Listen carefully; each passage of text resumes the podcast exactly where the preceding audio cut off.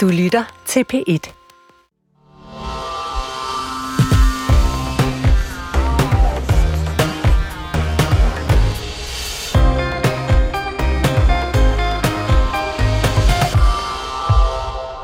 Fastsættelse. Det gør ondt, ondt. Det, det gør ondt. Nu har jeg stået med ondt, det går ondt om morgenen. Fastsættelse.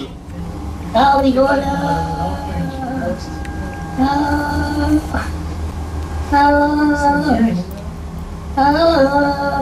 Først så så vi altså dementramte Else, der klager over smerter, da hun hænger i en lift på plejehjemmet, mens personalet de venter på, at hun har afføring.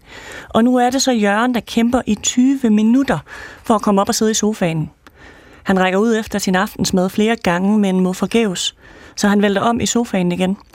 Det her det sker for ældre i vores samfund, som tilbringer deres sidste tid i ældreplejen.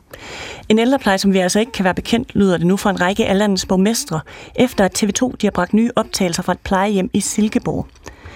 Diana Mortensen, velkommen til p Debat. Tak for det. Du er Jørgens datter, og så har du sat et kamera op i hans ældrebolig. Hvordan er det at kunne sidde derhjemme og følge med i, hvordan din far han lever? Ja, men det er jo ikke, øh, det er jo ikke sjovt, og, øh, og det er ikke... Øh, der er en masse spekulation omkring, inden man overhovedet sætter sådan noget op, øh, og der er jo ikke, øh, det kom jo ikke fra den ene dag til den anden. Men det er jo ikke, øh, det er jo ikke rart at kan se øh, alt det, der går galt, og, og, og man mangler jo selvfølgelig også viden på alt det, der ligger bagved. Så det er jo, det, det er jo den rå sandhed, vi får, kan man sige. Det du oplever, når du kigger på det kamera, der filmer din far, er det så uværdige forhold, han lever under?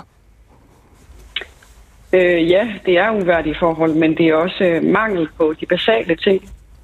Øh, jeg vil næsten sige, at det er lige før, at det værdige, det var, at man øh, snakkede med nogen og havde rent tøj på og kom i bad. Og, men det vi er ude i nu, det er jo, at vi, vi prøver på at kalde nogen op, så han kan få de basale behov dækket. Det her det er det et, øh, P1-debat, og i dag der spørger vi, hvem har opskriften på fremtidens ældrepleje? Er det det offentlige, eller er det det private?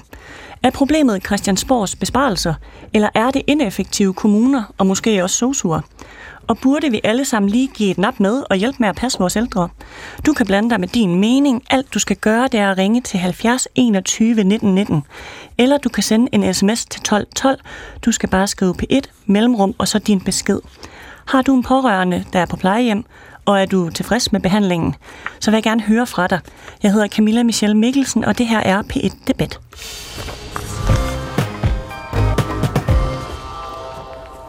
Og Diana Mortensen, du er stadig med os. Vil du ikke sætte ord på, hvad det var, der gjorde, at du og din familie ligesom føler sig nødsaget til at sætte kamera op i lejligheden for at holde øje med din far? Jo, øh, jeg vil prøve kort lige at, fortælle, hvad, hvad vi ligesom har gået igennem øh, de sidste tre år, hvor min far har boet på plejehjemmet.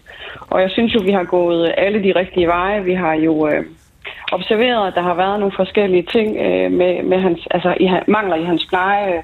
Vi har i starten oplevet, at der gik længere, øh, mere end en uge uden han fik rent tøj på, og han blev ikke barberet, og han fik ikke børstet tænder. Og, øh, de her lidt hverdagsting. Øh, så blev der noget, der var lidt mere farligt. Vi, der var, hvad, hvad hedder det, hans vasketøj på badeværelset lå på gulvet, gulvene var våde, øh, han fik ikke medicin. Så det gik ligesom over i det skift. Øh, og så for et år siden, så blev vi opmærksom på, at han havde rigtig svært ved at spise selv og drikke selv og komme på toilet selv. Øh, og der er vi til et møde i februar måned, hvor vi snakker med øh, plejehjemmet deroppe. Og vi snakker omkring, at, at, at hans situation er forværret, og, og der er enighed omkring, at han skal have noget mere hjælp på. Og så øh, fra februar til august, der er der en masse korrespondence frem og tilbage, og en masse snak om, hvad man kan gøre, og, og, og vi, vi ser ingen bedringer. Vi ser desværre kun, at det bliver dårligere, og der er meget tit, vi kommer op til min far, hvor han øh, ikke har fået medicin, eller ikke er kommet op, eller øh, hvor der er urin og afføring, både på ham, men også på hans bukser, eller hans sko, eller hans badeværelse.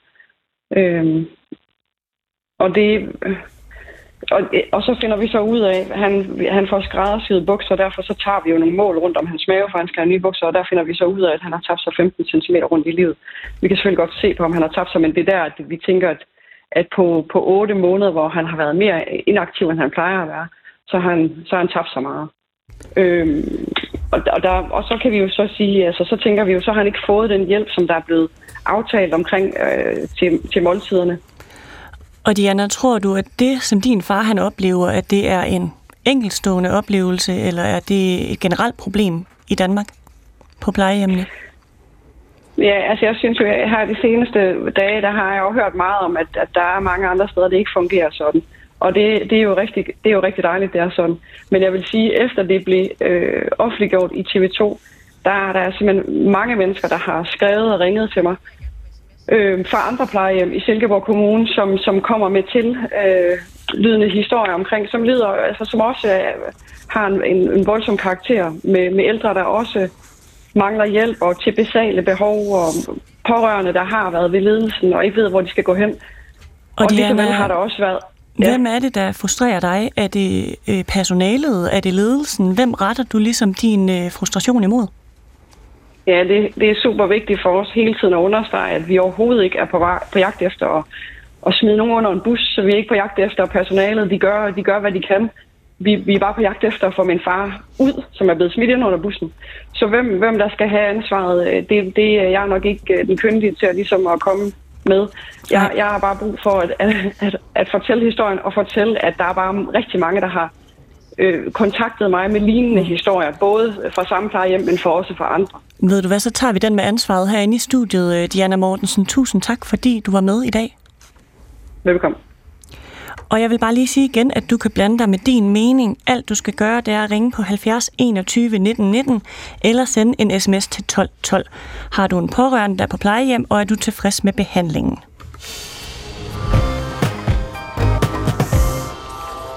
Pia Kærsgaard, du er ældreoverfører for Dansk Folkeparti. Velkommen til. Tak.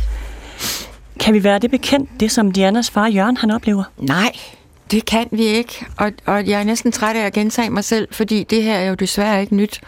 Det pågår hele tiden, hele tiden, og i, specielt her i den senere tid har der jo været rigtig mange grimme historier op i, øhm, i, eller i medierne, og det bliver bare ved og ved og ved. Og så er det ligesom om, så går det lidt i sig selv igen, ligesom, og så kommer der nogle nye historier igen, og så står vi og diskuterer, hvad vi kan gøre, og det er dybt, dybt øh, kritisabelt. Og hvordan kan det være, at det bliver ved og ved og ved? For som du siger, det er jo ikke noget nyt. Altså for tre år siden, der var det Else, nu er det Jørgen, og før det var det sikkert uh, Bjarne. Fuldstændig rigtigt, og om et par måneder er det Marianne. Altså, og, og på et eller andet tidspunkt, der er det måske Pia. Mm. Mig, eller nogle af mine nærmeste pårørende. Altså det her, det er, det er hjerteskærende. Det, det synes jeg virkelig, det er. Er det noget, du går og tænker over, Pia? Ja, At den dag gør- er det måske dig selv? Ja, det synes jeg, vi alle sammen skulle. Uh, det synes jeg, det har jeg tit tænkt på som politiker. Hvorfor i alverden står vi, hvor vi står, og vi hele tiden hører de historier, og ældreplejen er så ringe. På et eller andet tidspunkt bliver vi måske selv ramt af, at vi skal på et plejehjem. Det ville være mærkeligt, hvis man ikke får eller har nogen i ens nærmeste omgangskreds, der også er på, er på en eller anden måde med i det. Og så synes jeg bare, at det kommer tæt på, øh, og tænker ikke bare for, for min eller for mine pårørende skyld, men for alles skyld, skal vi jo have en ældrepleje, som vi kan have respekt for og være glad for og stolt af. Det manglede bare. Altså, jeg, jeg er... Jamen, jeg bliver virkelig, virkelig... Øh, jeg bliver faktisk øh, sådan helt... Øh, så det brænder bag øjnene af raseri også. Så det, øh, Hvad er det, der gør dig gal? Jamen det gør mig da gal, at vi skal høre på stakkels Else, der ligger der og stønner, at en familie skal gå rundt om sig selv, som vi hører nu. Og tænker helt sikkert, kan vi være det bekendt at sætte et uh, kamera op, fordi det kan jeg godt forstå, det kræver virkelig mange overvejelser. Men det gør de, og så skal de sidde hjemme i deres stue og se på, at deres gamle far har det på den måde. Jamen, og så spørger du garanteret, og hvad kan vi gøre ved det? Ja, hvad kan vi gøre ved det? Altså, der er mange ting. Der er mm. Flere penge. Altså, jeg må sige, vi er alle sammen skyldige i det. Ingen nævnt, ingen glemt, eller nævnt alle. Øhm, Men jeg kunne også godt tænke mig at vide, hvad har I gjort i Dansk Folkeparti, for at det her det ikke skal stå på? Jeg synes godt nok, hvis jeg skal bryste mig lidt selv, at på det tidspunkt, vi havde allermest indflydelse, der var ikke en eneste finanslov, vi gik fra, uden at vi havde virkelig mærket de ældre. Altså, Så hvad er der gået galt? Hvorfor kan vi ikke mærke det ude på plejehjemmene? Jamen, det, jeg, jeg, ved, jeg, ved, jeg kan jo ikke sige det. Altså, der er jo mange, mange årsager. Der er ikke bare én. Der er rigtig mange årsager. Altså, dels mangler vi personale. Det er et velkendt problem. Dels tror jeg også, at øh, vi skal være meget kritiske i forhold til personale. Jeg ved jo også, når man går lidt dybere i det her, at der er alt for mange socioassistenter, som hopper fra midt i uddannelsen. Måske ikke har været særlig engageret. Nå ja, vi tager lige det her, og så ser vi, hvordan det går, og det går ikke så godt. Og så hopper man fra. Tale uddannelsen op, mere faglig uddannelse. Jeg har intet imod de private aktører kommer ind. Det synes jeg kun er godt. Øhm, øh, økonomi, jeg synes jo, at kommunerne har været for beskedne i den aftale, de har lavet med regeringen. Helt sikkert, nu brokker de sig med god grund, men de bør også slå i bordet. Og så hører vi Skulle samtidig... de have krævet mere? Ja, det synes jeg i høj grad, de skulle.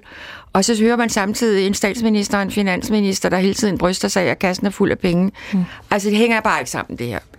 Katrine Daggaard, du er ældreoverfører for Liberal Alliance. Ja. Hvad synes du, har vi en værdig ældrepleje i dag? Nogle steder har vi, øh, og andre steder har vi meget langt fra. Hvad er problemet?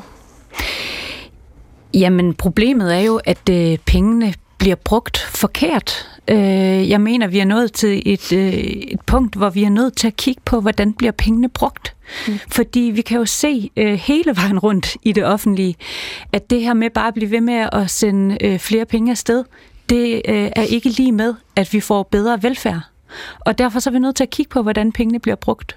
Og der kan vi jo se blandt andet på en lang række af, af lige præcis de kommuner, som jo har været ude og, og kritisere, at, at de faktisk ikke bruger pengene øh, korrekt eller ordentligt, eller har ordentlige øjne for, hvad, hvad, hvad en kommunes hovedfokus bør være, det er jo kernevelfærd. Så der mangler faktisk ikke penge fra Christiansborg. Det er kommunerne, der ikke forvalter dem korrekt. Er det det, jeg hørte dig sige? Vi ved faktisk ikke, om der mangler penge, fordi vi aner ikke, hvad de bliver brugt på. Vi ved alt for lidt om, hvordan pengene bliver brugt. Der er alt for lidt gennemsigtighed i, i øh, kommunernes økonomi, og det er et kæmpe problem. Men, men, men vi kan jo se, at, at, øh, at pengene bliver også brugt forkert. Pia Kærsgaard? Jo, men så må vi jo, altså jeg sluger det til mig, fordi så må vi simpelthen øremærke dem. Det har vi talt om i mange år. Det har partierne ikke ville være med til. Så bliver vi simpelthen nødt til, hver gang vi sætter penge af til de ældre. For eksempel en klippekortordning, som nu er afskaffet, som bliver brugt til alt muligt andet. Så må vi sige, med mindre I bruger det til klippekortordningen, nu nævner jeg bare et tilfælde, med mindre I gør det, så bliver pengene taget tilbage. I skal ikke bruge dem til at fylde øh, huller ud i vejene eller noget i den stil. Altså man giver bare penge til kommunerne, fint. Men det er langt fra altid, at kommunerne bruger det til det, de er målrettet til. Og så bliver jeg bare nødt til at sige, jamen så bliver vi nødt til at øremærke dem. Og det har jeg talt for i mange år, men det har man ikke ville være med til. Men det synes jeg, vi skal. Katrine Daggaard, er det ikke en meget god idé? Øh, vil Liberal Alliance være med til at øremærke? Jamen altså, vi foreslår jo, at kommunerne sådan set ikke skal lave andet end at visitere, fordi de har for mange kasketter på, og, og de visiterer i alt for høj grad til deres egen tilbud. Vi, vi foreslår, at de skal stå for visitationen, og, og derudover så er der ingen grund til, at det er kommunerne, der skal levere velfærd. Altså, øh, hvis man gjorde alle de kommunale øh, velfærdstilbud til selvejende, og man har fonder, og man har private øh, aktører øh, på banen, jamen så, så vil man sikre øh, en, en at også det, vi i dag kender som de offentlige tilbud, kan gå konkurs.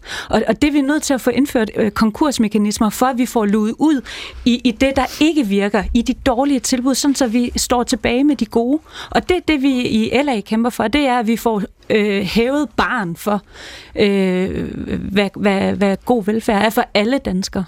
Okay, så der et bud fra Liberal Alliance, det handler simpelthen om mere konkurrence. Må jeg ikke også have lov til at påpege, at det handler også om menneskesyn.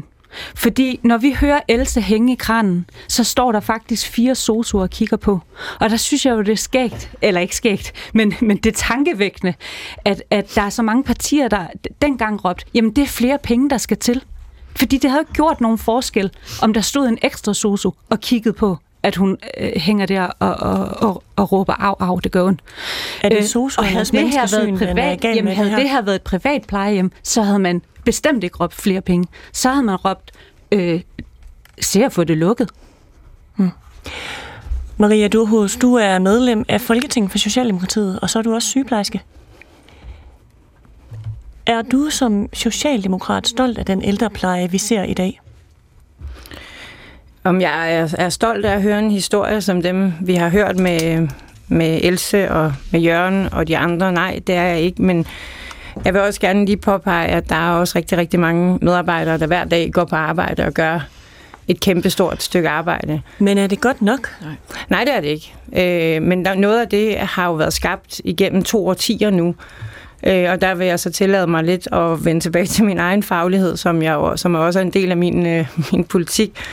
Din sygeplejefaglighed? Min sygeplejefaglige baggrund, og det er jo, at vi i slutningen af 90'erne havde så travlt med at indføre bruger øh, udfører modellen, eller hvor, øh, hvad hedder det, øh, BUM-modellen, bestiller udfører modellen, hvor at man lige pludselig skulle til at lave en, øh, en New Public Management tankegang ind i den offentlige sektor, hvor vi både skulle visitere og økonomistyre. Og, øh, og, og der må man sige, der tabte vi altså noget faglighed i det. Og jeg tror, hvis vi prioriterede lidt at få det faglige skøn tilbage til medarbejderne og, og stille dem den mulighed, at man ikke hver gang man så et problem skulle igen med en visitator, skulle have det løftet et andet sted hen, men man faktisk skal den faglige tillid tilbage til medarbejderne, så tror jeg også, at vi vil kunne få nogle af dem tilbage. Handler det om tillid, eller handler det om øh, medarbejdernes kompetencer? Altså er de dygtige nok? Nej, jeg vil sige, når vi har med dementer at gøre, som det som jo både har været øh, tilfældet med, med Else og, og med Jørgen, så, så er demens jo en, en faglig, øh, et fagligt speciale, hvor der findes virkelig mange ekstrauddannelser og videreuddannelser for at kunne varetage plejen af dem. Så det her med, at vi har på en eller anden måde udviklet en one size fits all, så bare der er nogen, der serverer maden, og bare der er nogen, der gør noget, men vi ikke har den faglighed med os, der siger, får han spist maden? Får han rent tøj på? Kan han selv det her? Men vi hører jo også, at, at Jørgens datter fortæller, at mm. så har de gjort opmærksom på, at nu bliver han dårligere. Og så er der skriverier fra hvad, februar til august om, hvad skal vi sætte ind med? Det er meget, meget lang tid. Men kunne det ikke være en løsning, så som Katrin Daggaard fra Liberal Alliance foreslår? Altså sådan, lad os øh, få det i udbud, ældreplejen. Lad os konkurrere om, hvem har det bedste tilbud? Men det, det, det, det, det synes jeg ikke forandrer noget, hvis vi har en grundessens, der hedder, at vi har gjort det til Øh, nu plejer jeg at sige en Toyota-fabrik, når vi snakker ældrepleje, men at det hele er systematiseret og, og værdisat, og der skal sidde en visitator og, og træffe nogle beslutninger ud fra en økonomistyret model, og vi ikke har, har plads til fagligheden. Og nu har jeg siddet i kommunalbestyrelsen i 10 år, inden jeg kom ind i Folketinget, og jeg ved godt, hvad der sker den dag, at et, et privat tilbud går konkurs. Det gør de måske fredag eftermiddag kl. 17, og så står vi med en offentlig hjemmepleje, der skal dække alt det her. Og det er også et problem, at vi, vi på den måde bare sætter det hele i udbud. Men grundessensen og fagligheden bliver vi simpelthen nødt til at have på plads. Katrine Daggaard, Liberal Alliance. Jamen, jeg kan slet ikke forstå, at, øh, at vi hører Socialdemokratiet her stå og argumentere for, at, at, at vi skal øh, fastholde den model, vi kender, fordi det, den er for dårlig altså, til, at vi tør at, at ændre på det.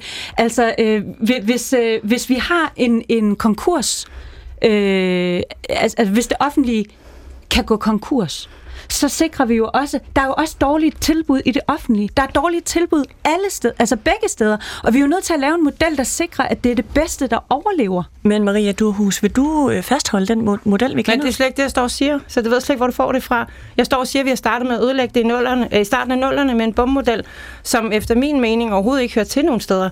Fordi vi har fjernet al faglighed. Vi har fjernet alt faglighed fra den borgernære velfærd.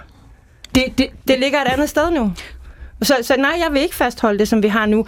Men, men, men der er jo ikke nogen løsning i bare at gå ud og privatisere det hele, og så må den stærkeste overleve. Hvad, Fordi, hvad er løsningen så, Maria Duhus? Jamen løsningen er, at vi simpelthen bliver nødt til at gentænke den her ældrepleje, vi har, og vi bliver nødt til at sikre, at vi får uddannet personale til at mm. passe vores ældre, og vi bliver nødt til at sikre, at der er faglig ledelse, og der er tillid til faglighed derude.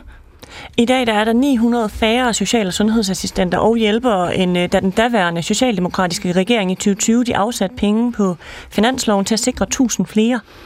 Hvorfor mm. er det gået den vej? Jamen, jeg har været ude og tale med mange af dem, øh, og, og nogle af dem er jo simpelthen også stoppet, fordi det er for hårdt, og fordi at den styringsmodel, der er, gør, at man jo, når man går hjem om eftermiddagen, ikke kan se sig selv i øjnene mere i forhold til, hvad det er for en pleje, man har mulighed for at udbyde. Jeg har selv været ude og tage vagter og gøre det med jævne mellemrum, og kan jo godt forstå, hvad det er, der sker derude, fordi det, som vi, det, det der er et succeskriterie, det er, om vi har nået vores dokumentationskrav. Det, der er et succeskriterie, det er, om vi har lavet de utilsigtede hændelser. Det, der er et succeskrav, det er, at vi har nået at udfylde et afføringsskema øh, inden for den tid, vi har. Det er ikke et succeskriterie om, om, om Jørgen har fået rent tøj og, og har fået vasket sig, fordi det kan være, at det kun er visiteret til, at han skal have gjort det x antal gange om dagen. Og det er der, hvor jeg siger, det bliver, det bliver vi simpelthen nødt til at vende rundt og, og tale substans i ældreplejen, i stedet for at tale mål. Og er personalet styret af øh, koder og ting, de skal krydse af, frem for at gå ind på et værelse og, og simpelthen kigge på den ældre og se, hvad har de brug for? Ja, det er de. Og det bliver vi nødt til at snakke substans om, og vi bliver nødt til at tale faglighed ned i det, for vi har virkelig, virkelig mange dygtige medarbejdere derude, og vi sender virkelig mange ud af døren, fordi de ikke kan holde ud og være i den praksis, der er derude lige nu. Pia Kærsgaard, Dansk Folkeparti. Jo, men der er jo også noget helt galt med ledelsen mange steder. Altså netop som der bliver sagt, der kan stå fire og kigge på stakkels Else. Altså det går, vi har også hørt det fra Køge. Altså der er jo virkelig steder, hvor ledelsen er elendig og burde være ekspederet ud i løbet af 0,5, og det er altså også kommunernes ansvar. Men jeg vil godt spørge, kommer der andre her i dag? Ved du hvad, jeg synes, vi skal byde velkommen til uh, Birgit Stenberg Hvad med ældreministeren? Er, er, er, kommer hun Hun senere? kommer. Ja, ved du hvad, hun, kan, hun har sagt, hun kunne i hele tidsrummet, Godt. og hun kommer kl. 13. Super, tak. Og øh, en, der også kommer, det er Birgit Stenbak Hansen. Du er borgmester i Frederikshavn. Velkommen til. Tak for det. Der bliver skudt lidt mod øh, kommunerne, Birgit. Tror du, at plejehjemmene kunne præstere bedre, hvis øh, vi ligesom øh, Katrine Daggaard fra Liberal Alliance foreslår, der kommer noget mere konkurrence? Vi i kommunerne er ikke bange for konkurrence overhovedet, men man behøver bare lige at google et par enkelte ord, så ser man jo også artikler om private hjemmeplejefirmaer, der bliver lukket på grund af, at der er problemer med borgernes trivsel, altså lukket af Sundhedsstyrelsen. Jeg vil ønske, eller Styrelsen for Patientsikkerhed, jeg vil ønske, at vi var stoppet med at høre med al respekt folketingsmedlemmerne, da Pia Kjærsgaard startede, fordi der var hun anstændig. Der talte hun om noget af det, det reelt handler om, nemlig antal ansatte, økonomi, uddannelsesniveau osv. Altså det der med at minimere det her til, at det er de private kontra det offentlige, og at det, det handler om, at der er fire, der står og glor.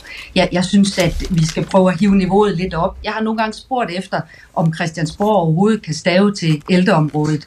Jeg, jeg vil give øh, DF den kredit, at øh, det har de været gode til. Jeg synes, det kniver stadigvæk lidt. Det er ikke så lang tid siden, jeg sad ved siden af Morten Messerschmidt, og jeg sagde til ham, husk nu at, at, at påpege, at der er også noget, der hedder ældreområdet i kommunerne. Og derfor synes jeg, at vi skal prøve at hive det her op til det, det reelt handler om, nemlig en udsultning af det her område igennem mange år. Og det er ikke sådan, som LA, øh, folketingsmedlemmer, sidder og, og nærmest antyder, at vi bruger pengene på alt muligt andet, der ikke er vigtigt. Tre ud af fire kommuner skal spare. Vi øh, hejser et flag for, hvad skal vi med fremtidens ældreområde? Har jeg selv nogle svar? Ja, det har jeg. Jeg er enig med min partikammerat øh, Marie i, at den her øh, bestiller, udfører myndighedsmodel, hvor det handler om, at man skal visitere, øh, og at øh, de gode faglige ansatte, der er ude, social- og sundhedshjælpere, assistenter og sygeplejersker stort set ikke må tænke selv, fordi man jo i 90'erne fik lavet sådan en model om at visitere.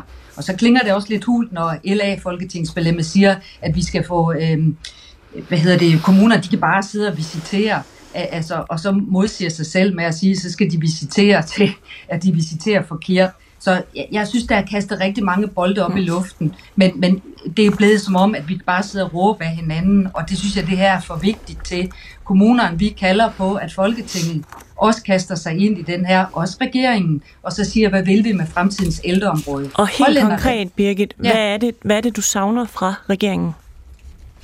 Jeg savner øh, ældreloven. Den kommer, det har vi hørt fra ministeren så sent som i aftes øh, i medierne, at den kommer øh, sandsynligvis inden jul.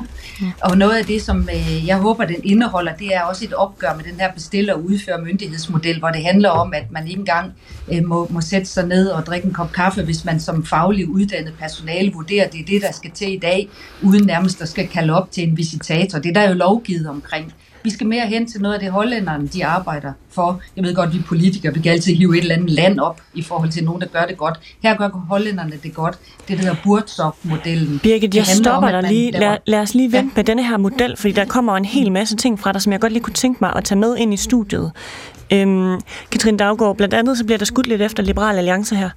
Ja, øh, jeg synes, det er, det er jo skægt, at øh, der både bliver nævnt øh, bommodel øh, og økonomi her, fordi problemet med bommodellen er jo netop, Kan du lige sætte et par ord bare lige på bommodellen, Jamen for dem, der det, sidder det derude og er tænker, jo, som øh, Camilla sagde før, øh, en, en... Maria Durhus. Undskyld, Maria, undskyld.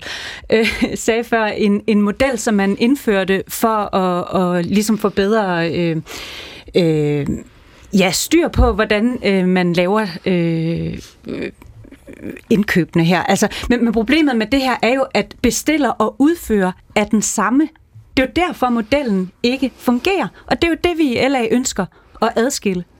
Nej, det er øhm, ikke rigtigt. Der er jo private Og så må jeg også sige, i forhold til Frederikshavn Kommune, så kunne man jo vælge at bruge pengene på ældreordfører, øh, eller på, på ældreområdet, hvis man, hvis man gerne vil gøre det område bedre, i stedet for at bruge så meget på administration, som øh, Frederikshavn Kommune gør. I Frederikshavn Kommune, der bruger man 8.875 kroner per indbygger i administration.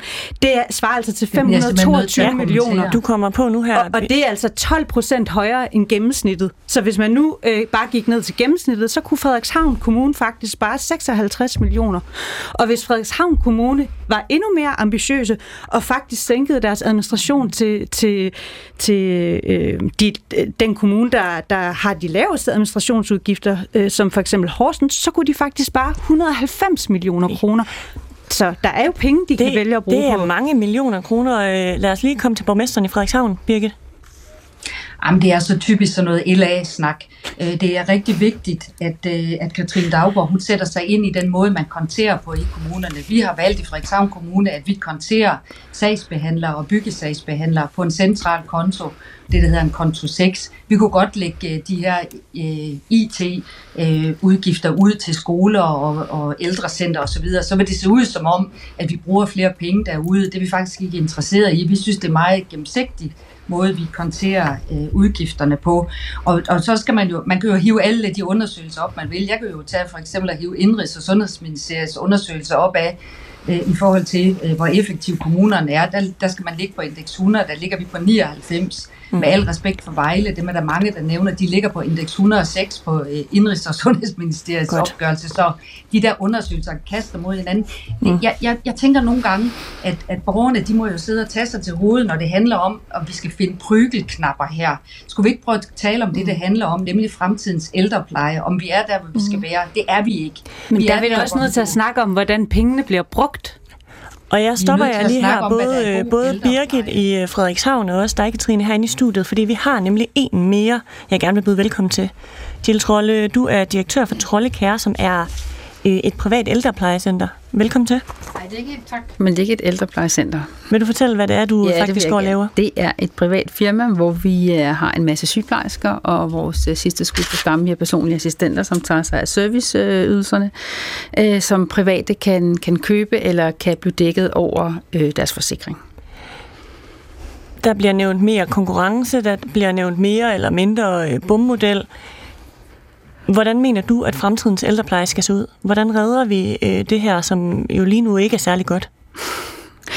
Altså, det har jeg ikke opskriften på. Jeg håber ikke, det er derfor, jeg står her. Øh, jeg vil gerne sige, hvis jeg må starte fra din start af med, med værdig i værdighed i ældreplejen, så vil jeg sige, uanset om man sidder i Frederikshavn, i, øh, i Gentofte eller øh, i Nysted, så er vores øh, ældrepleje, den er uværdig, og det er den, fordi at de ældres selvbestemmelse er taget fra dem når du skal have hjælp i dag, så har du ikke længere mulighed for selv at bestemme, hvornår du skal stå op, hvad du skal have at spise, hvornår du skal spise, hvornår du skal på toilettet, hvis du får tilbudt et toiletbesøg, og hvornår du skal skifte din blæ, eller hvem der kommer ind af din dør. Øh, og så kan man tale om, øh, øh, der er blevet skåret ned på bad og ting og siger, ja, men jeg vil også sige, jeg har vil heller ikke have lyst til at stå nøgen øh, over for mine Birgit, Henrik. Øh, øh, skal det være den samme person, der kommer ud til Jørgen ja, og bader ham? det vil jeg nok sige. Altså, vil du have lyst til at stå nøgen over for 12 forskellige mennesker på, øh, på øh, over tre uger. Jeg vil ikke. Hvis jeg har brug for hjælp hver dag, hvordan sikrer vi så, at det altid er Margrethe eller Preben, der kommer og bader mig? Jamen, jeg, jeg synes, at uh, hele den her drøftelse, uh, vi bliver, vi, men venden, man, venden Socialdemokratiet ved det eller ej, så bliver vi simpelthen nødt til at få skyklapperne til side, og så få inviteret de private med ind og få nogle drøftelser om, hvordan man kan gøre tingene. Fordi nu har kommunerne haft flere hundrede år til at prøve at komme op med nogle gangbare løsningsmodeller og til at levere en værdig ældrepleje, og det sker bare ikke. Det bliver værre og værre. Ja, og det er besparelser og ting og sager.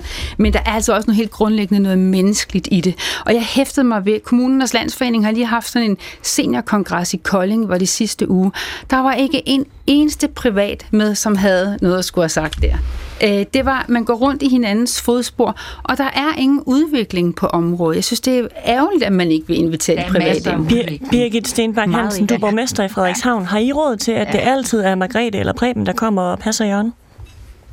Det arbejder vi på, og vi arbejder også med det her, øh, som jeg lige var ved at nævne, de her selvstyrende grupper, hvor det er øh, hvor der er 12 i en gruppe, der selv har, eller der har indflydelse på eget arbejde, hvor man så minimerer administration og øh, man minimerer ledelse. Og det er noget af det, som vi arbejder konstruktivt med. Jeg bliver så nødt til at opponere imod, at det her er private mod kommunale. Vi har jo private udbydere på markedet, og vi bliver også nødt til at få, få balance i det her og sige, at der er også private, der er blevet lukket af Sundhedsstyrelsen, fordi de ikke gør det ordentligt. Ja, der jeg kunne synes, vi altså nok også godt lukke nogle, jeg tror også godt, vi kunne lukke nogle kommuner, vil jeg sige, fordi de ikke gør det dårligt. Det kan man jo se i tilsynsrapporterne. Så det, det handler om, jo, det synes jeg. ældre. Jo. Og det, det handler om, det er jo det, vi er enige om, en værdig ældrepleje. Ja. Og det handler om antal ansatte, og det handler om økonomi. Nej, så er der også nej, noget, der nej, handler nej. om... Lad, vi lader lige Birgit tale ud. Jo, jo, jo Økonomi flere er, og ansatte. Øh, ja, fordi så vil man også jo kunne lave øh, mere, flere indsatser i forhold til demente, og hermed aflaste nogle af de ansatte, der arbejder med, med der Godt. ikke er demente. Så der er rigtig meget faglighed, og der er rigtig mange social- og sundhedshjælpere, assistenter og sygeplejersker, der mm. har rigtig meget at byde på, men de er presset, fordi de har mange opgaver, fordi de er få ansatte, og fordi der er lidt økonomi inden for området. Og jeg tror, det er det, vi politisk skal tage på os, både på Christiansborg, men også i kommunerne, at vi skal prioritere ældreområdet meget mere, og det synes jeg, vi er sammen om. Og så skal vi også spørge, Godt, om vi kan få civilsamfundet lidt ind. Lad os lige få, øh, få Jill Trolle på banen her, Birgit. Ja, hvor jeg dog savner, at du nævner og sige, at vi skal også have talt med de ældre. Det er vel dem, der et eller andet sted ved, hvad det her handler om, og hvad de har brug for. Det ved en skovl fuld af teknokrater virkelig ikke noget som helst om. Men det bliver ikke nævnt nogen steder. Det er økonomi. Hvad er det for teknokrater? Det er alle jer, der sidder og skal administrere de ældres velfærd og deres livskvalitet og deres værdighed. Jeg, jeg savner virkelig, I, I bringer dem jo slet ikke i spil. Det er som om de ikke er eksisterende. Men Jill tager Birgit fejl, når hun siger øh, penge og hænder. Det er det, vi mangler. Mm, men nu stod jeg her med, med Bjarne Hastrup her for nogle, en måneds tid siden, som siger, at kommunerne vælter rundt i penge. Pia siger det. Øh, vores ledende politikere siger, at der er masser af penge i kommunerne. Øh, så det kan åbenbart ikke være penge, der er issue. Er det en dårlig kultur? Er det en oldnordisk måde at tilrettelægge mm. det på? Og har man fuldstændig glemt de ældre i det her, så mm. springer I Ej, demente op, fordi... Lad mig lige tale færdigt. Så Godt. taler I om, om demente som det eneste område. Der er altså rigtig, rigtig mange mennesker, som har brug for hjælp, som ikke er demente, og som har en stemme, men de bliver jo ikke hørt. Mm. Pia Kjærsgaard, skal pengene følge med den ældre? Ja, det synes jeg ville være en god idé. Men først og fremmest, så må jeg sige det der med Preben og Margrethe, der øh, skal bade. Jamen, det synes jeg ville være fint, men det ved vi godt kan ikke lade sig gøre. Det, der kan lade sig gøre, efter min mening, det er, at der er nogle faste teams. Altså sådan, så der er en lille gruppe, som kender den ældres behov, hvor den ældre kender den her gruppe, at det ikke er så mange nye, der kommer ind det synes jeg, man burde stå ind på. Men jeg er glad for, at ministeren kommer, fordi kors har vi manglet ministeren i den her debat. Og jeg kan bare sige, at i nytårstalen 22, der talte statsministeren om en ny ældrelov. September 22, der lå der faktisk et fikst og færdigt forslag, som vi i hvert fald kunne debattere. Nu ser vi snart nytårstal 24, og ministeren siger, måske kommer der noget i løbet af efteråret. Jeg kan bare se, at alt det, der skal være i den ældrelov, som vil være meget stor, og hvor mange af de ting, som vi har stået her og diskuteret, skal omfattes. Jeg er bange for, at den bliver udskudt igen, igen, igen.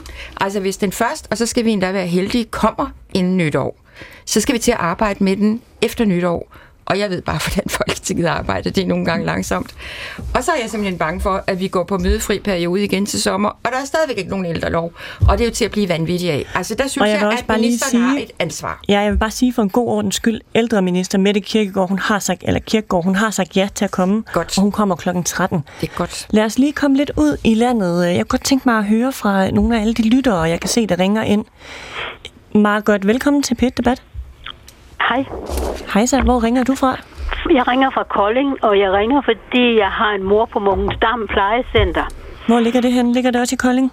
Ja, det ligger også i Kolding, okay. øh, og, øh, og jeg sidder faktisk og er lidt målløs. Det lyder som om alle plejehjem kører rigtig dårligt. Det her er et af Koldings ældre plejehjem. Det er nok heller ikke særlig stort.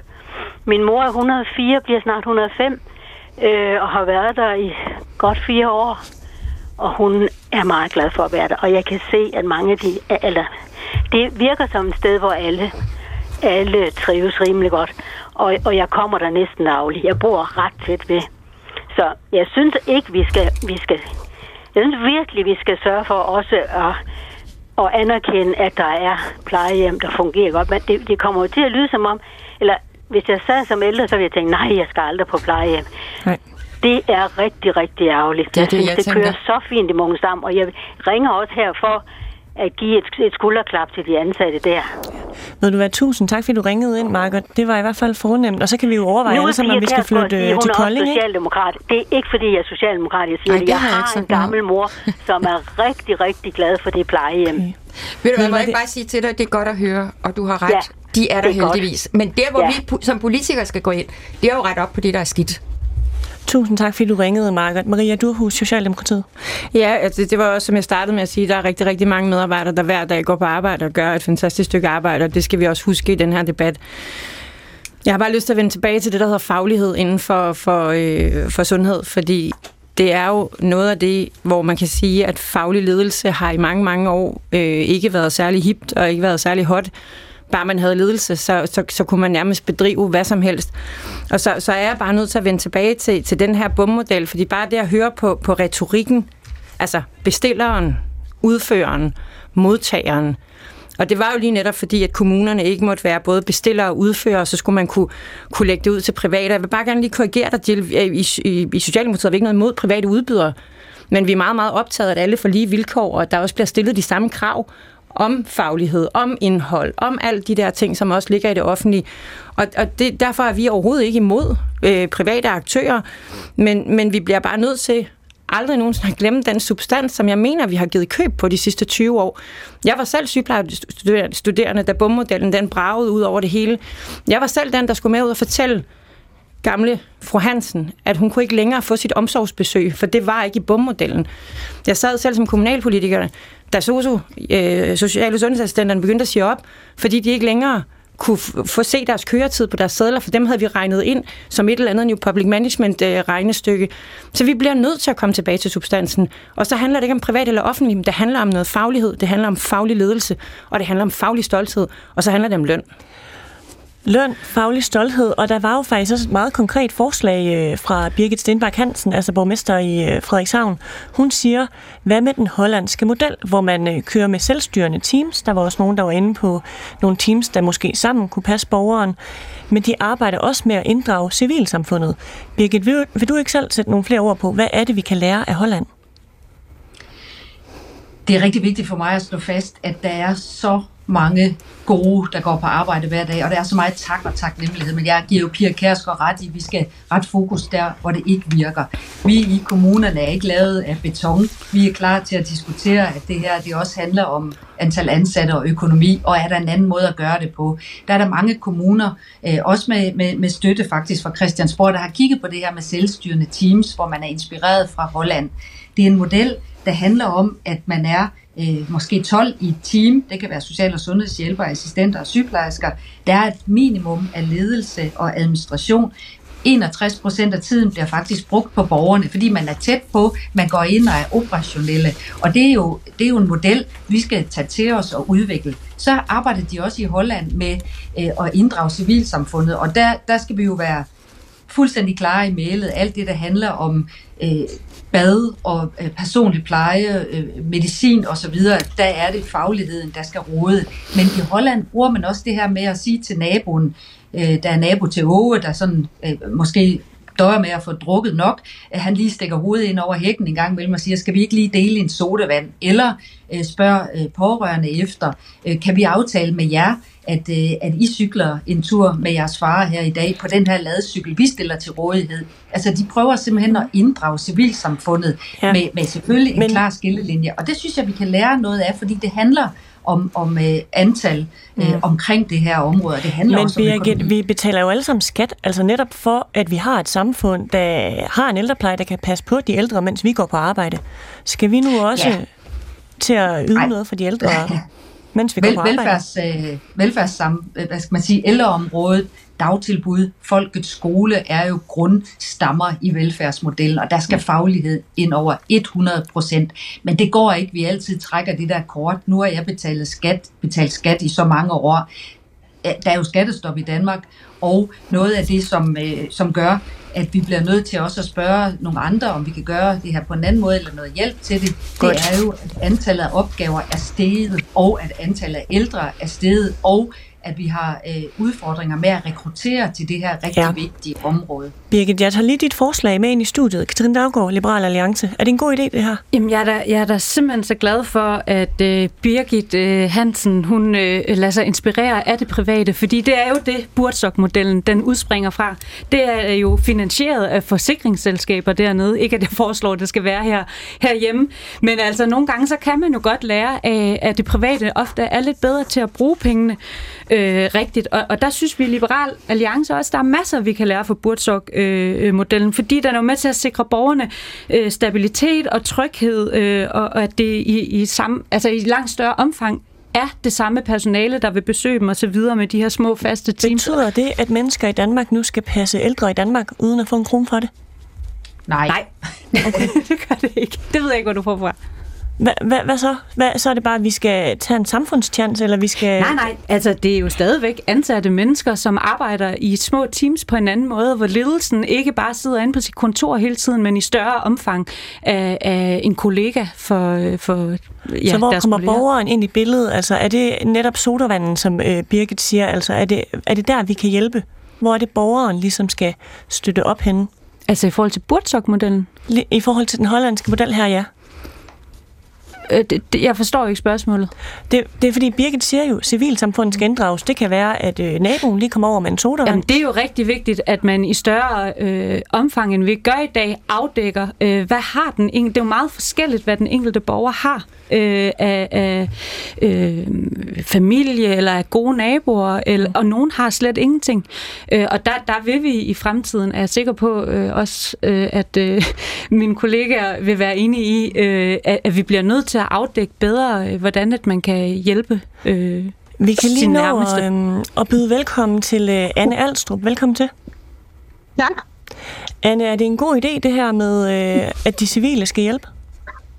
Altså, jeg vil sige, at øh, både fra mig selv øh, og mit indtryk er, at pårørende, mange pårørende allerede hjælper øh, øh, rigtig meget. Og nu taler jeg her om de pårørende, ikke om naboen, der går ind og drikker øh, sodavand eller sådan noget. Så, så det der med at tro, at man kan få pårørende til at lave endnu mere, det øh, synes jeg simpelthen ikke er... Men det der, der er jo ingen, der siger endnu mere. To sekunder, Katrine. Ja, undskyld. Ja, Ja, Anne. det, det synes jeg ikke er vejen frem. Og så vil jeg gerne sige en anden ting. Jeg har arbejdet som øh, i vikariater i hjemmeplejen i 30 år. Og jeg, og jeg startede øh, sidst i 70'erne, først i 80'erne. og det er en utrolig udvikling i, i den triste retning, der er sket på de 30 år. Den sidste har- retning, er det en dårlig retning? Ja, det er en dårlig retning. Vi havde tid til at øh, stille lidt frokost an. Vi havde tid til nogle gange at handle ind. Vi havde tid til at drikke en kop kaffe. Vi havde tid til at gøre rent. Vi havde tid til at pusse vinduer. I dag må man ingenting. I dag sidder man ikke ned. Man går ind og sætter, øh, tager en støttestrømpe på. Jeg har ikke oplevet, at min mor har haft en hjemmehjælper, der sad ned i hendes lejlighed. Så omsorgen er simpelthen taget ud af hjemmeplejen i dag? Omsorgen er blevet taget ud, og nærheden er blevet taget ud, og der er tit, øh, hvis der er sygdom eller noget, så kommer de ikke lige i bad den dag, mm. eller så øh, bliver der ikke lige gjort rent i den uge, eller... Mm. Okay. Anne, ved du hvad, tusind tak, fordi du ringede ind. Selv tak. Birgit, jeg vil gerne lige tilbage til dig. Øh, Vi har lige halvandet minut, inden der går en radioavis på. Men Anne siger, prøv at høre, de pårørende, de gør så meget i forvejen. Det er jeg fuldstændig enig i, og øh, vi skal også gå ind. Vi, vi bliver bare nødt til at tale om, at det, det bliver jo ikke ved med at gå, som det går nu. Vi, vi mangler ansatte, vi, vi mangler økonomi. Og derfor må vi godt tale om, om man kan inddrage civilsamfundet. Og det er jo sådan, at kommunen er jo i bund og grund sat i verden for de, der ikke kan selv. Og der må vi også øh, sige, at så skal alle vores ressourcer allokeres til de, der ikke har et netværk, eller der, hvor de pårørende er trætte, for det har vi stor forståelse og stor erfaring for.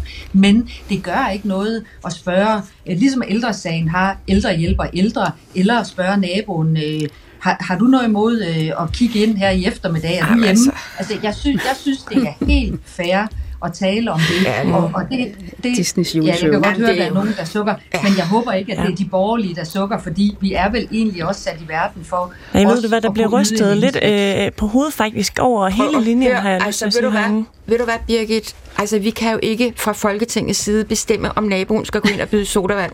Stop det. da heller- Og så er der robotstøvsuger, og så er der teknologi.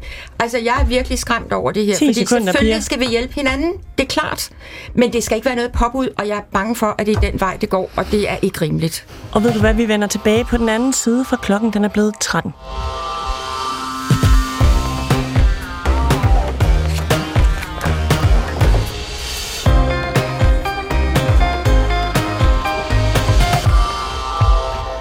Kommunalpolitikere og borgmestre landet over har i månedsvis råbt op om manglende økonomi til at sikre den borgernære velfærd. Og ældreområdet, det er altså noget af det, der gennem årene er blevet skåret på. Flere af landets kommuner, de har skåret ned på, hvor lang tid der må gå mellem rengøring hos de ældste borgere, og hvor lang tid der er til at udføre opgaverne. Og nu siger personalet altså fra. For det første kan vi ikke nå rundt. Vi kan heller ikke lige nå at sidde og sige hej og høre, om man har det rart, eller godt, eller skidt. Så det bliver sådan tit, at man har en ældre, der jagter en, imens man går med en støvsuger, og man kan ikke køre halvdelen, og jeg føler ikke, vi slår til. Man skal helst kunne gå på sit arbejde og synes, man løfter en god opgave. Og det har jeg ikke kunne se, i hvert fald de sidste 3-4 år. Sådan siger Dorte Mikkelsen fra Vordingborg, der ejer et rengøringsfirma, og nu har hun altså opsagt sin kontrakt med kommunen. Samtidig så får den danske ældrepleje også kritik for en række ældreordfører på Christiansborg, som blandt andet kritiserer ældreministeren for at tøve med en reform og handling på området. Men hvem har ansvaret? Og hvad er løsningen, når faktum altså er, at vores ældre borgere de ikke får den pleje og den omsorg, som de føler, de har behov for? Og flere kommuner de ser sig nødsaget til at spare på ældreområdet, simpelthen for at få budgetterne til at hænge sammen. Det er P1 Debat i dag, og som altid så kan du altså blande dig med din mening. Du skal ringe ind på 70 21 19 19, eller du kan sende en sms til 12 12. Du skriver bare P1, mellemrum og så din besked. Har du en pårørende på plejehjem, og er du tilfreds med behandlingen? Jeg hedder Camilla Michelle Mikkelsen, og det her er P1-debat.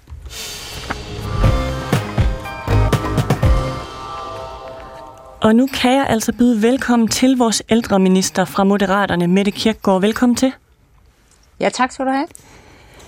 Mette Kirkegaard, gang på gang, så ser vi eksempler på ældre mennesker, som simpelthen ikke kan få til det helt basale. Det kan være Jørgen, som vi senest har set på TV2, der næsten ikke kan komme op af sofaen for at få mad og drikke, og der er ikke nogen til at hjælpe ham. Altså er det værdigt, at vores ældre de lever øh, deres sidste dage på den her måde?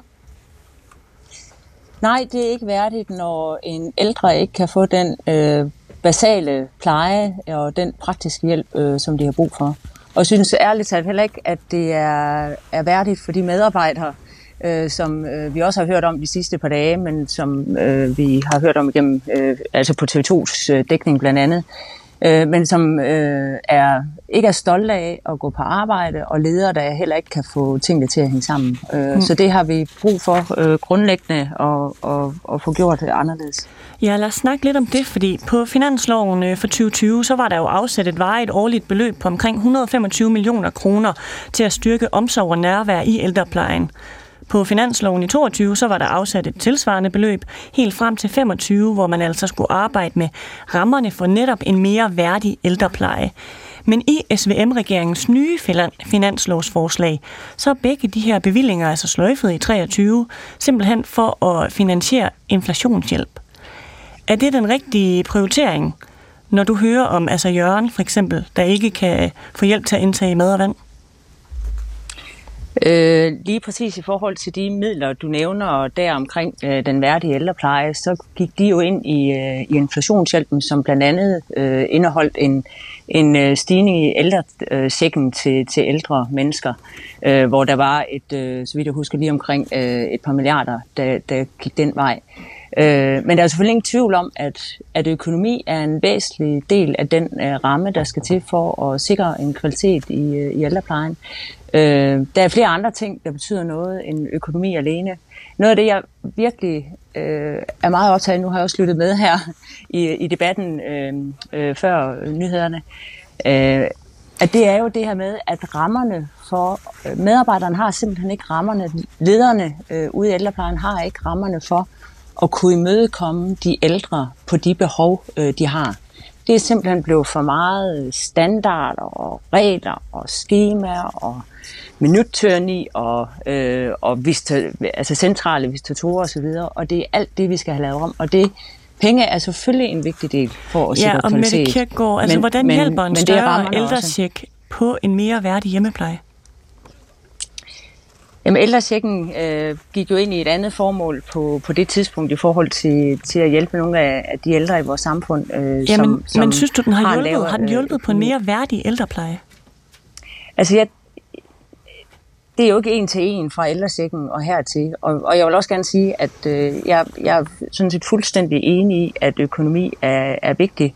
Og, og, jeg, og jeg har jo også fulgt med i debatten i forhold til, til kommunerne har, har vanskeligt ved at kunne få, få budgetterne til at hænge sammen. Mm. Så nævner du det her med, at der simpelthen er meget bureaukrati derude, altså der, de skal afkrydse ja. en masse ting, og de kan måske simpelthen ikke gå ind på stuen og sætte den ældre i øjnene og spørge, hvad har du brug mm. for? Eller bare mm. at se, hvad har den ældre brug for? Hvordan gør mm. vi op med det? Jamen, det, det, det gør vi op med, og det, der ligger rigtig meget inde på Christiansborg. Altså et ansvar, der er mit, og et ansvar af mine kollegaer på Christiansborg. Nu øh, øh, fordi det en ældre lov kan, og det lovgivningen kan, det er, at den kan gå ind og kigge øh, på og lave nogle, nogle andre måder at visitere på, kan lave et alternativ til BUM-modellerne, øh, lave en større grad af økonomisk transparens, kan gøre, at vi kan arbejde meget mere øh, teambaseret ude omkring de enkelte ældre, hvor beslutningerne øh, omkring, hvad det er for en pleje, den enkelte ældre skal have, skal være hos de medarbejdere, der er tæt på, øh, som Maria Dyrhus øh, var inde på. Altså fagligheden og den faglige kompetence skal langt mere i spil. Mm. Og sådan er det jo faktisk ikke i dag. Altså de medarbejdere, som er ude hos den enkelte ældre, den enkelte socioassistent, den enkelte hjælper, ergoen og fysten, kan faktisk ikke selv bestemme og tilrettelægge i tæt dialog med den ældre, hvad det er for en hjælp, de skal have. Og det handler alt sammen om den måde, vi har skruet vores lovgivning på, og egentlig også de, de uh, særregler som, og arbejdsgange, som kommunerne har. Og netop og denne her og nye det, ældrelov, jeg, ja. jeg afbryder dig bare lige her, for det lyder jo rigtig ja. godt, alt det du siger, altså at der arbejdes på en ældrelov, men det skrev ja. I jo allerede ind i regeringsgrundlaget, at I ville, og jeg mindes faktisk også, at det stod, at det var noget af det første, som uh, ja. I ville gøre. Og nu er der gået et år, så hvorfor har vi ikke fået fremlagt den her ældrelov endnu? Ja, Altså jeg kan sådan set godt forstå øh, utålmodigheden, og, og det har jeg også selv, fordi det er jo øh, grundlæggende problemer, når den ældre ikke mødes øh, i sine behov, og når medarbejderne de, øh, de er svære at, at trække hen til ældreplejen, men det bliver der faktisk heller ikke særlig længe. Altså personalomsætningen er høj. Så det haster. Og det har været stået på i mange år, øh, som flere også har været inde på. Øh, nu er det sådan, at det er jo ikke noget, man bare lige trækker i en automat, fordi at altså lave en ny ældrelov. Vi kommer omkring alle de ting, faktisk, som vi har været, og I også har været inde på i dag. Hvordan vi sikrer, at den ældre hjem ikke er en banegård. Hvordan vi sikrer mere helhed øh, og kontinuitet omkring den enkelte ældre. Hvordan vi får beslutningerne ud til, til medarbejderne. Hvordan vi skaber større økonomisk transparens, så vi både har de private leverandører og de kommunale leverandører. Hvordan vi laver nye typer af tilsyn og et nyt visitation, der ikke, der ikke er en bum-model, som vi kender den. Og alt det har jeg brugt masser af tid på at snakke med kommuner om, og dem, som ved en masse om, hvordan man skruer sådan nogle ting sammen. Og, og vi er ved at være klar til at kunne komme med et udspil øh, her, her inden Og jeg er med på at forstå sådan set fuldstændig den utålmodighed, øh, der er på det. Og i det udspil, altså nu har du lyttet med, sagde du, øh, Mette Kirkegaard. I dag der er der næsten 900 færre social- og sundhedsassistenter og hjælpere, end da den daværende ja. regering i 2020 jo afsat penge til at sikre 1000 flere. Er det med i det udspil, at I vil sikre, ja nu er vi jo så op på 1900 sosuer, vi faktisk mangler? Altså, lige præcis det der omkring arbejdskraft er jo en kæmpe udfordring, og, og det er jo bare gået den forkerte vej, som du også siger.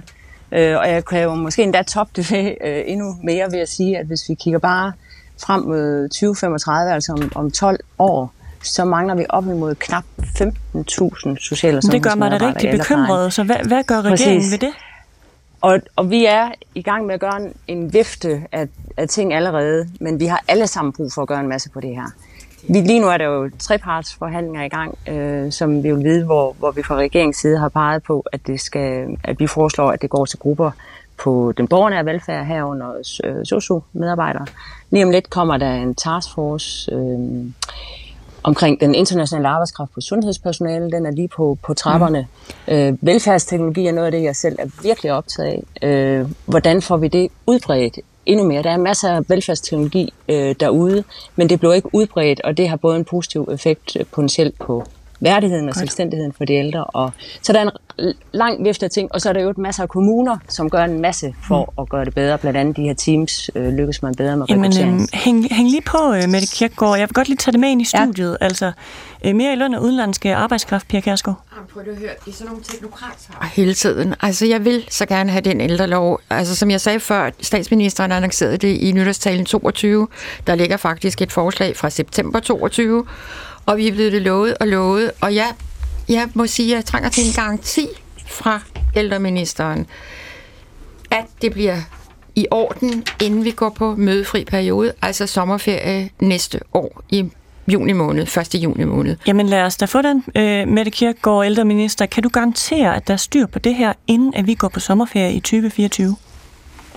Altså vi har jo, øh, altså jeg, jeg, jeg kan sige, at jeg kommer med og forventer at komme med, eller kommer med et udspil her før jul, og så skal det jo forhandles øh, øh, på tværs af Folketingets øh, partier, og så går lovprocessen i gang øh, derefter. Og vi arbejder så hurtigt vi kan øh, ind i det. Godt. Michael Fenger, velkommen til. Du er borgmester i Gentofte, og så er du også næstformand i ældreudvalget, øh, kommunernes landsforening. Hvad tænker du, når du hører ældreministeren her? Øh, jeg tænker faktisk, at det har været en god idé at at have taget noget tid, fordi det her er jo en kæmpe forandring. Øh, og jeg prøver at sige, og vi har jo også i KL prøvet at, at bidrage med vores øh, synspunkter, og det vil jeg gerne lige prøve at sige, altså det går, at vi har svære problemer nu, men det bliver jo endnu større fremadrettet. Der bliver bare om syv år 30 procent flere over 80 år. Så det vi er nødt til at gøre, hvis vi skal lykkes med det her, øh, det er jo, at vi er nødt til at få en fokus på kerneopgaven. Hvad er det egentlig, der skal foregå omkring den ældre? Og der mener jeg, det er medicin, hygiejne, omsorg og mad og fjerne, minimere resten. Vi er nødt til at frigøre tid til kerneopgaven, væk med administration, regler, mere teknologi osv. Og så er vi nødt til at få flere, mere simpelthen få mere, øh, flere medarbejdere ind og uddanne dem i kerneopgaven. Og de behov, som du øh, kommer med her, hører du det i det, som ældreministeren fremfører? Nu har jeg ikke set øh, øh, loven, men det går jeg ud fra, at vi alle sammen er enige. Men vi er jo bare nødt til... Det, der er jo det store problem i den kommunale sektor, det er jo, at vi lever at de, under de rammer, Folketinget giver os. Og så er vi nødt til at prioritere. Og derfor er vi jo nødt til at have en, en forventningsafstemning. Hvad er det, vi skal gøre i kommunen med de midler, vi nu får tildelt? Og, der, og den, har, den har Christiansborg-politikerne jo kronisk angst for at tage. Og det er vi jo nødt til at sige, jamen, det der, altså, skal vi fjerne bibliotekerne? Skal vi øh, sørge for, at de ældre ikke må få gåture og så andet? Vi, vi har jo nogle ressourcer, og inden for de rammer øh, skal vi jo prioritere, og den diskussion er vi jo nødt til at have. Vi er nødt til at forventningsafstemme.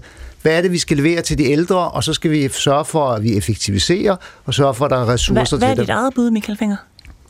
Ja, mit bud er, at vi er jo nødt til at tage fat i, at, at, at hvad er kerneopgaven? Og det er, at der skal være ordentlig vi skal sørge for, at medicinen er rigtig, hygiejne, omsorg og mad. Det grundlæggende behov, som jeg tror, vi alle sammen er enige om. Hvad er det så, I skal udlicitere, eller I ikke skal stå for i kommunerne?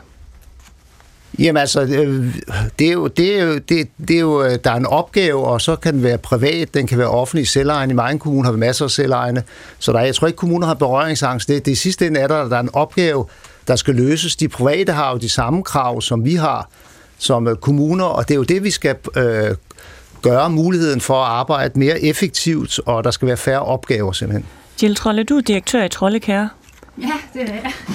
Hvad, er det en god idé, det han foreslår her, øh, borgmesteren? Jamen, jeg bliver bare ved med at komme tilbage til det samme og det samme. I, I taler om nogle opgaver, øh, men når man læser tilsynsrapporterne, så efterlyser de ældre livskvalitet, selv, selvbestemmelse og en, og en værdig død. Og det er blandt andet i tilsynsrapporterne for Gentofte Kommune, også Michael Finger. Øh, der er det også en mangelvare. Øh, og, øh, så, så de der opgaver, I taler om, jamen, hvad siger de ældre? Hvad har de brug for? Hvad, hvad er det, de efterlyser? Det, det, det hører jeg ikke bliver nævnt herinde. Jeg jeg synes simpelthen, det er, det er, det er tankevækkende, det er skræmmende. Jeg synes også, det er skræmmende, når man i KL øh, på det, sin, sin hjemmeside skriver, at øh, det handler om, at der skal prioriteres og laves fravalg. Hvorfor står der ikke nogen steder, måske skulle vi prøve at ryste posen og se, om vi kunne gøre det anderledes med de midler, vi har? Skulle man prøve at invitere de private ind og se, om der kunne komme nogle ting her? Nu taler vi om den der Burtok-model her, øh, hvor man har små Den teams. hollandske model. Den hollandske ja. model, ja. Sådan har mit firma arbejdet de sidste otte år, og vi har stort set ikke nogen indlæggelser. Det er der også rigtig mange kommuner, der kan bryste sig af, rigtig mange, inklusive Gentofte Kommune, hvis forældre, eller hvis, undskyld, hvis ældre ryger, øh, ryger på hospitalet meget, meget ofte, selvom de får, selvom de får hjemmehjælp. Jeg savner så meget nytænkning, for der er til syden nogle penge, og der er de ressourcer, der er. Så skulle vi ikke prøve næste gang KL øh, laver øh, en ældrekonference og får nogle private aktører ind. Fordi I render rundt i hinandens fodspor, I kommer bare aldrig videre. Og det går ikke ud over jer, Michael Finger, eller nogle andre politikere. Det er de ældre, det går ud over. Det er dem, der sidder i deres hjem eller på en, et plejehjem og møjer til. Og det er så uværdigt, og I kan ikke være det bekendt. I kan ikke være det bekendt, Michael Finger? Det er for utrolig slud at høre på. Det synes jeg er groft at sidde og, og, og, og sige. Det må jeg sige. Der er noget chokeret over det her. Og i øvrigt, det jeg foreslog, var jo ligesom, at vi skulle gøre tingene på en anden måde. Og selvfølgelig hører de private også med i det. Men altså, det er jo helt urimeligt, at hovedparten af vores pleje fungerer jo øh, fint øh, og ordentligt. Øh, så, Synes du, at den fungerer jamen, det fint gør, og ordentligt? det, jamen, det, jeg, jeg synes, der er helt oplagt, der er eksempler, der ikke er i orden, og der er kommuner, der er presset. Mange kommuner Øh, og det skal vi selvfølgelig gøre bedre. Er det det påtager vi også et ansvar. Jeg synes, det skal være blive bedre. Det tror jeg, vi alle sammen synes. Det er jo derfor, vi går ind i politik. Det er jo ikke for at gøre tingene dårligere. Men er det din oplevelse, at det vi ser, altså for eksempel med Elsa og Jørgen, at det er enkeltstående tilfælde, det er enkeltsager det her, det er ikke sådan, det ser ud, det generelle billede?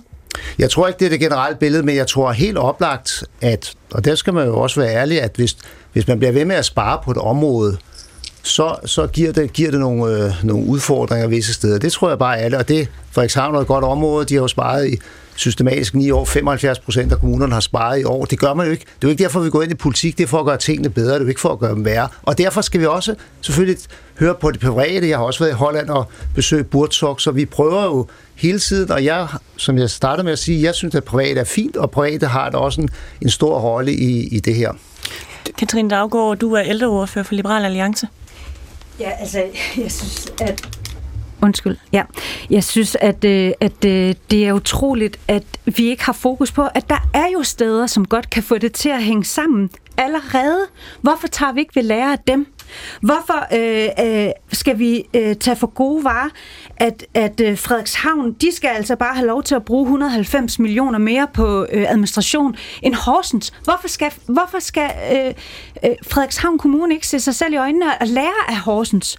Hvor, hvorfor, øh, hvorfor skal vi bare tage for gode varer, at ledelse og specialkonsulenter er steget med 739 procent ude i kommunerne? Hvorfor skal vi bare tage for gode varer, at 100 af journalister, ansatte journalister i kommunerne er steget med 198 procent? Altså, jeg synes faktisk, det er... Øh, hvad kan, hvad det, kan vi gøre ved det? det? Jamen, jeg synes, at øh, kommunerne, de skal simpelthen tage ansvar for, hvordan de bruger pengene. Det er jo ikke penge, der mangler. Det er ansvar, og det er helt almindelig god gammeldags fornuft. Lad mig bare lige spørge ældreminister Mette Kirkegaard også. Altså, er det simpelthen kommunerne, der ikke tager ansvar? Nej, altså jeg oplever, at alle faktisk er optaget af at tage et ansvar. Det er også et delt ansvar. Jeg synes egentlig ikke, det her det skal handle så meget om at øh, skubbe af dem rundt mellem hvem, der har mere eller mindre ansvar. Kommunerne har et ansvar, på Christiansborg har vi et ansvar, de private har et ansvar for, for dem, de har i, øh, i deres stald, så at sige. Øh, jeg vil egentlig gerne sige, at at det er flere inde på også til sidst her, Katrine Dag, øh, Daggaard, øh, omkring, at der sker jo rigtig mange kreative ting øh, og innovative løsninger ude i kommunerne allerede. Øh, der er jo både omkring velfærdsteknologi, er der nogle kommuner, der, der er rigtig dygtige til. Det kan vi udbrede meget mere. Lad os lære hinanden. Det omkring Teams, er der flere kommuner, øh, både kommuner og også private, private leverandører, inspireret af, af Burtok, øh, er der flere kommuner, der gør. Lad os gøre det endnu mere, fordi vi ved, det skaber bedre arbejdsmiljø, og det skaber bedre kontinuitet og helhed ude hos den enkelte ældre. Øh, vi ved, at øh, flere kommuner arbejder med arbejdsfælde, nej, prøv, øh, Øh, ældrefællesskaber, øh, frivillige fællesskaber, som udskyder plejebehov, fordi at det at være i meningsfulde sociale aktiviteter. Så der sker en masse gode ting, og så er der selvfølgelig lovgivning, og det er jo det, altså det, det, er en, det vi skal med lovgivning, og det er en masse tandhjul. Men, men det er simpelthen at skabe nogle bedre rammer for at den ældre, og der er jeg fuldstændig enig med Til Trolle, når hun siger, det her det er jo centrum af det hele, det er den ældres livskvalitet og selvbestemmelse. Og det, det der det, også det, der skal være centrum. jo i studiet, øh, Mette Kirkegaard, det ja. er, at der er penge nok. Er du enig i det? Jamen altså, vi laver jo en aftale hver eneste år, kommunerne og regeringen imellem, øh, altså de såkaldte økonomiaftaler, og der gørs øh, udgifter, eller servicen gørs op, og udgifter, og så vurderer man, hvor meget udgifter det er, og så er det jo kommunerne, der skal prioritere. Øh, altså jeg tror, penge selvfølgelig er en, er en væsentlig del, men det er, altså, nu har jeg også selv arbejdet i, i en kommune igennem mange år, eller flere kommuner igennem mange år, og det er altså lige så meget den måde, vi bruger vores penge på, hvordan vi tilrettelægger det. Og så er lovgivningen, som den er skruet sammen i dag, altså simpelthen en snubletråd i forhold til, at vi kan imødekomme den enkeltes selvbestemmelse, og vi kan skabe nogle gode arbejdspladser for medarbejderne. De skal have langt mere beslutningskompetence til selv at bestemme, som de blandt andet gør i de her team. Vores lokale plejehjem øh, i kommunerne er også bundet ind, øh, svøbt ind af kommunale øh, rammer og retningslinjer øh, en del steder. Mm. Lokale plejehjem skal have langt større frihed til selv at kunne, hvor lederen kan gøre en, det, en stærk det lyder, øh, faglig dyrt med det kirkegård. Hvor mange penge følger der med? Jamen, alt hvad man laver af lovgivning øh, er jo fuldt finansieret, så det, det kommer jo også til at være med i en del af det udspil, vi okay. laver. Øh, vi laver selvfølgelig ikke noget lovgivning, der ikke, der ikke følger, der ikke følger penge, penge med. Okay. Hvor meget følger der med? Jamen, nu skal vi lige se udspillet først. Det, det er bedre at, at få de to ting til at hænge sammen, tænker ja. jeg, at vi ser udspillet, og så ser vi, øh, hvordan finansieringen er. Hmm. Men hvad synes du selv, der skulle følge med? Jamen, jeg tror, jeg, altså, som vi har en rigtig god tradition for øh, stat og kommuner imellem, så kigger vi jo på, hvad det er for nogle opgaver derude, og så prissætter vi det bagefter. Så det synes jeg også, vi skal gøre nu her. Okay. Nå, men ved du hvad, så synes jeg, vi skal hoppe til Midtjylland en gang, fordi øh, Christian Jensen, han har nemlig ringet ind Velkommen til, Christian. Jo, tak skal du have. Hvad vil du gerne sige? Jamen, jeg er uddannet social- og sundhedsassistent, har primært arbejdet på hospital i øh, et 10, og man er kommet så ud i øh, hjemmeplejen to forskellige steder. Øh, min oplevelse, det er, at øh, fagligheden simpelthen er for ringe derude. Øh, øh, der er alt for mange øh, hvad det hedder, ufaglærte, der ikke får den øh, oplæring, der skal til lederne de sidder inde på kontorerne eller til møder i stedet for at være ude sammen med deres personale. Øh, Øh, og selv det uddannede personale har jeg op, oplever jeg er, er for ringe. Der er alt for meget brok. Øh, og, og det, øh, til sidst så var det simpelthen noget, jeg gad at være i, så jeg er ikke længere social- og sundhedsassistent af profession. Hvad ville du have haft brug for, Christian? Var det en leder, der lærte jer bedre op? En leder, der var til stede? Eller er det noget? En synlig leder. En synlig leder. En leder, der ikke bare kom ind øh, til morgenmødet en gang imellem og lige sagde hej eller noget, men som faktisk var med ude i marken for at se, hvad det var, der foregik. Ja. Godt. Og kunne se de ting, der måske skulle rettes op på. Og så, jeg har lige en enkelt ting, fordi nu sidder jeg med og lytter okay. øh, meget til p og hver gang så med politikere, der kommer med alle mulige ting, sådan nogle rigtig luftige ting, men jeg har faktisk to konkrete ting, som kunne hjælpe på det her. Ej, hvor dejligt. Det er kig, kig på personalerne og se, hvad de kan. Social- og sundhedshjælpere og assistenter er uddannet social- og sundhedspleje. Hvorfor skal jeg som assistent købe ind for en borger? Hvorfor skal jeg som assistent gøre rent for en borger? Få nu opgaverne skilt fra, og så find nogle dygtige serviceassistenter, som er gode til rengøring, som måske er gode til at købe ind, og så lader også sundhedspersonale lave sundhedsopgaver. Mm. Så har man allerede der fundet personaler. Godt. Ved du hvad? Super indspark. Tak fordi du ringede. Velbekomme. Michael Finger, det er meget konkret jo. Altså, vi bruger simpelthen de ansatte forkert. Er det ikke noget, I kan hjælpe med ude i kommunerne? Bestemt. Altså, der er, vi skal jo i kommunerne arbejde hele tiden på at gøre, gøre det betydeligt bedre, og, og, jeg, og jeg tror, det er helt rigtigt, at en af de ting, der er et problem i kommunerne, det er jo, at vi ikke får de medarbejdere, der har de rette kompetencer, og der tror jeg også øh, i mange kommuner, øh, der har vi heller ikke været gode nok til at uddanne folk. Det, vi er faktisk gået til at blive en uddannelsesinstitution. For fem år siden, der fik man folk med de rette kvaliteter, det kan man ikke få i dag, og derfor er det, fordi de ikke eksisterer, eller hvorfor ja, vi men vi har, vi har jo ikke nok, og det, og det her hænger måske jo også sammen med det arbejdsklima, der er skabt af kommunen og af, af staten i, i forening, så, så vi, vi skal jo lave om på den måde, vi driver organisation på. Det tror jeg, vi alle sammen er enige om, fordi vi har skabt et arbejdsklima, øh, der skal forbedres. Det er der ingen tvivl om. Jill Trolle, er det også din oplevelse, at de ikke eksisterer, de her øh, kvalificerede medarbejdere? De øh, eksisterer i allerhøjeste grad, men jeg vil så lige sige, at jeg var gen ansat i Gentofte Kommune som hjemmesygeplejerske, dengang man introducerede snitfladerne, og det betyder så bare, at så kommer der så syv mennesker til den ældre. En, der kommer og drøber øjne, en ny, der kommer og handler ind, en tredje, der gør rent, en fjerde, der skifter sov og sådan derudad. Det er bare heller ikke, øh, det er bare heller ikke nogen, øh, nogen løsning på problematikken. Det skaber en masse utryghed øh, øh, for den ældre, så det synes jeg ikke er, er, er nogen gangbar vej. Mm.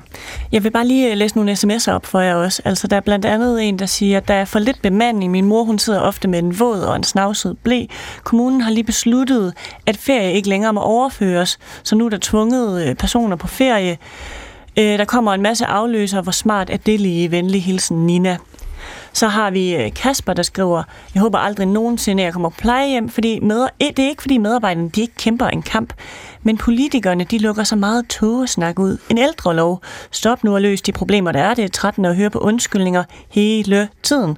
Jeg tager gerne et vedmål på, at ældreloven ikke ændrer en skid ud over skåltaler. Jeg er enig. Katrine Daggaard er enig. Uha, Nej, det var det, ikke mig. Det var ikke dig. Var det Jill? Det, det, det ændrer Jill, ingenting. Så lang tid, at kulturen er så dårlig mange steder, så ændrer det ikke noget som helst. Så lang tid, man ikke vil ryste posen og organisere sig anderledes. Så, sådan her, så kan vi stå her om 10, 15-20 år igen. Der er også en, der skriver, private firmaer for pleje er ikke vejen frem. Kontrollen med den aftalte og udførte pleje er lemfældig og mangelfuld. Der er desuden utallige eksempler på private firmaer, der går konkurs og med kort varsel overlader hjemmeplejen til det offentlige og kommunen. Det der konkurs, altså det, det skuer mig i ørerne. Altså de virksomheder, som er kommunale underleverandører, det er jo nogle kommuner, der har udvalgt. Øh, og i øh, Herning øh, Folkeblad, der står der jo netop, at budgetterne er jo, der er jo ikke transparent, så det er jo en lotterisæde, de aner ikke, hvad de byder ind i. Så det er ikke rimeligt at skyde det over på dem. Alright. Vi har, vi har et minut tilbage. Katrine Daggaard? Jamen, jeg er bare meget enig. Altså, øh, den øh, manglende gennemsigtighed i, i, i kommunernes økonomi, det er et kæmpe problem. Øh, og det gør det meget svært for øh, det private at, at have en reel konkurrenceevne øh, op imod dem. Godt. Ved du hvad, det er simpelthen alt, vi når i dag. Tusind tak, fordi I kom alle sammen. Blandt andet ældreminister øh, Mette Kirkgaard fra Moderaterne, Michael Fenger, borgmester i Gentofte og næstformand i ældreudvalget i Kommunernes Landsforening, Pierre Kærsgaard, ældreordfører i DF, Katrine Daggaard, ældreordfører for Liberal Alliance, og så var der dig, Jill Trolle, der er direktør for Trolle Kære. Jeg hedder Camilla Michelle Mikkelsen. Tak, fordi I lyttede med.